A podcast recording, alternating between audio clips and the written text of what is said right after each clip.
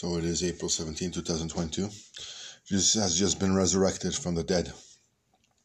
He's come with new power, new force, new way to rule the world in times of trouble, famine, poverty, all the necessities that uh, human beings need. And uh, we're here discussing what will happen in a few years, in 10, 20, 30, 40 years if people don't uh, believe in the Catholic faith, smarten up, play like a brother sister team. You know, uh, we rely on our brothers and sisters. We can only do so much as as uh, single members of the family, but we are all better together, and that that relates to the whole world, to the whole world, because there are natural resources in the whole world, and uh, there are so many necessities that we require in terms of vitamins, nutrients to make to sustain our lives, and we need we need to distribute that across the whole world. So I want you to all smarten up, make some smart decisions coming this uh, Easter. Every resurrection is a time to recollect, to look at ourselves and see what we could do better I know that there are so many lustful things that we all really like, but we don't necessarily need in our lives, and we have to take take precaution to those things to say that no, I don't need it. I uh, I res- I don't require it, no matter how good the price is.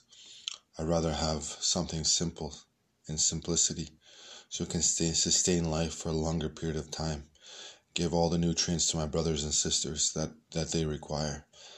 Because uh, we know, we know that as soon as oil and gas depletes, as soon as those transportation, those logistics, the uh, end in, ter- in terms of they just don't have enough for gas, they just don't have enough for uh, sending the foods that we need, the nutrients that we require, and then we rec- then we rely on some other form of uh, terrible, terrible satisfaction just to get by.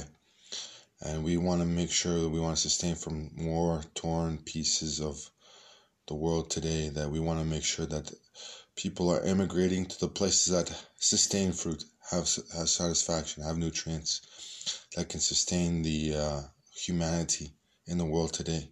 You all need it. You all need it. Going to church is one thing, celebrating Easter is one thing, but uh, understanding the whole global picture is many, many of us that need to understand it. Many.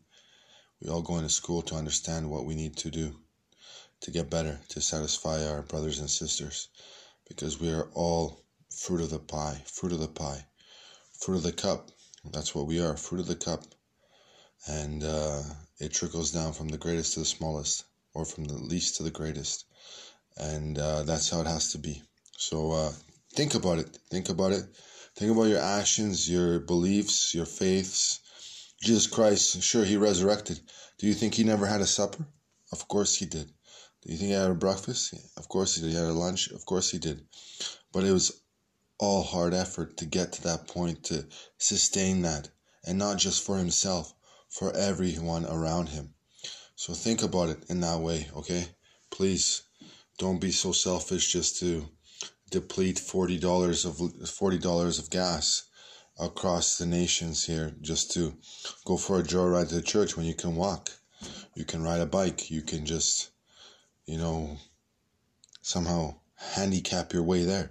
So be smart about it, please. Don't don't do too much when you don't need to.